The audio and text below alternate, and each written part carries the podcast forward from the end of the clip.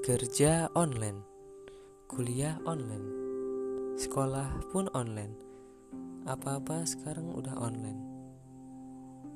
Situasi seperti ini sering kali membuat hati gerah, pikiran kita pun ikut panas. Tapi daripada kamu tambah pusing, dengerin yuk Cengdem Podcast yang bakal nemenin kamu dan buat suasana hati adem layaknya kacamata Cengdem. Goceng adem. Dengerin yuk.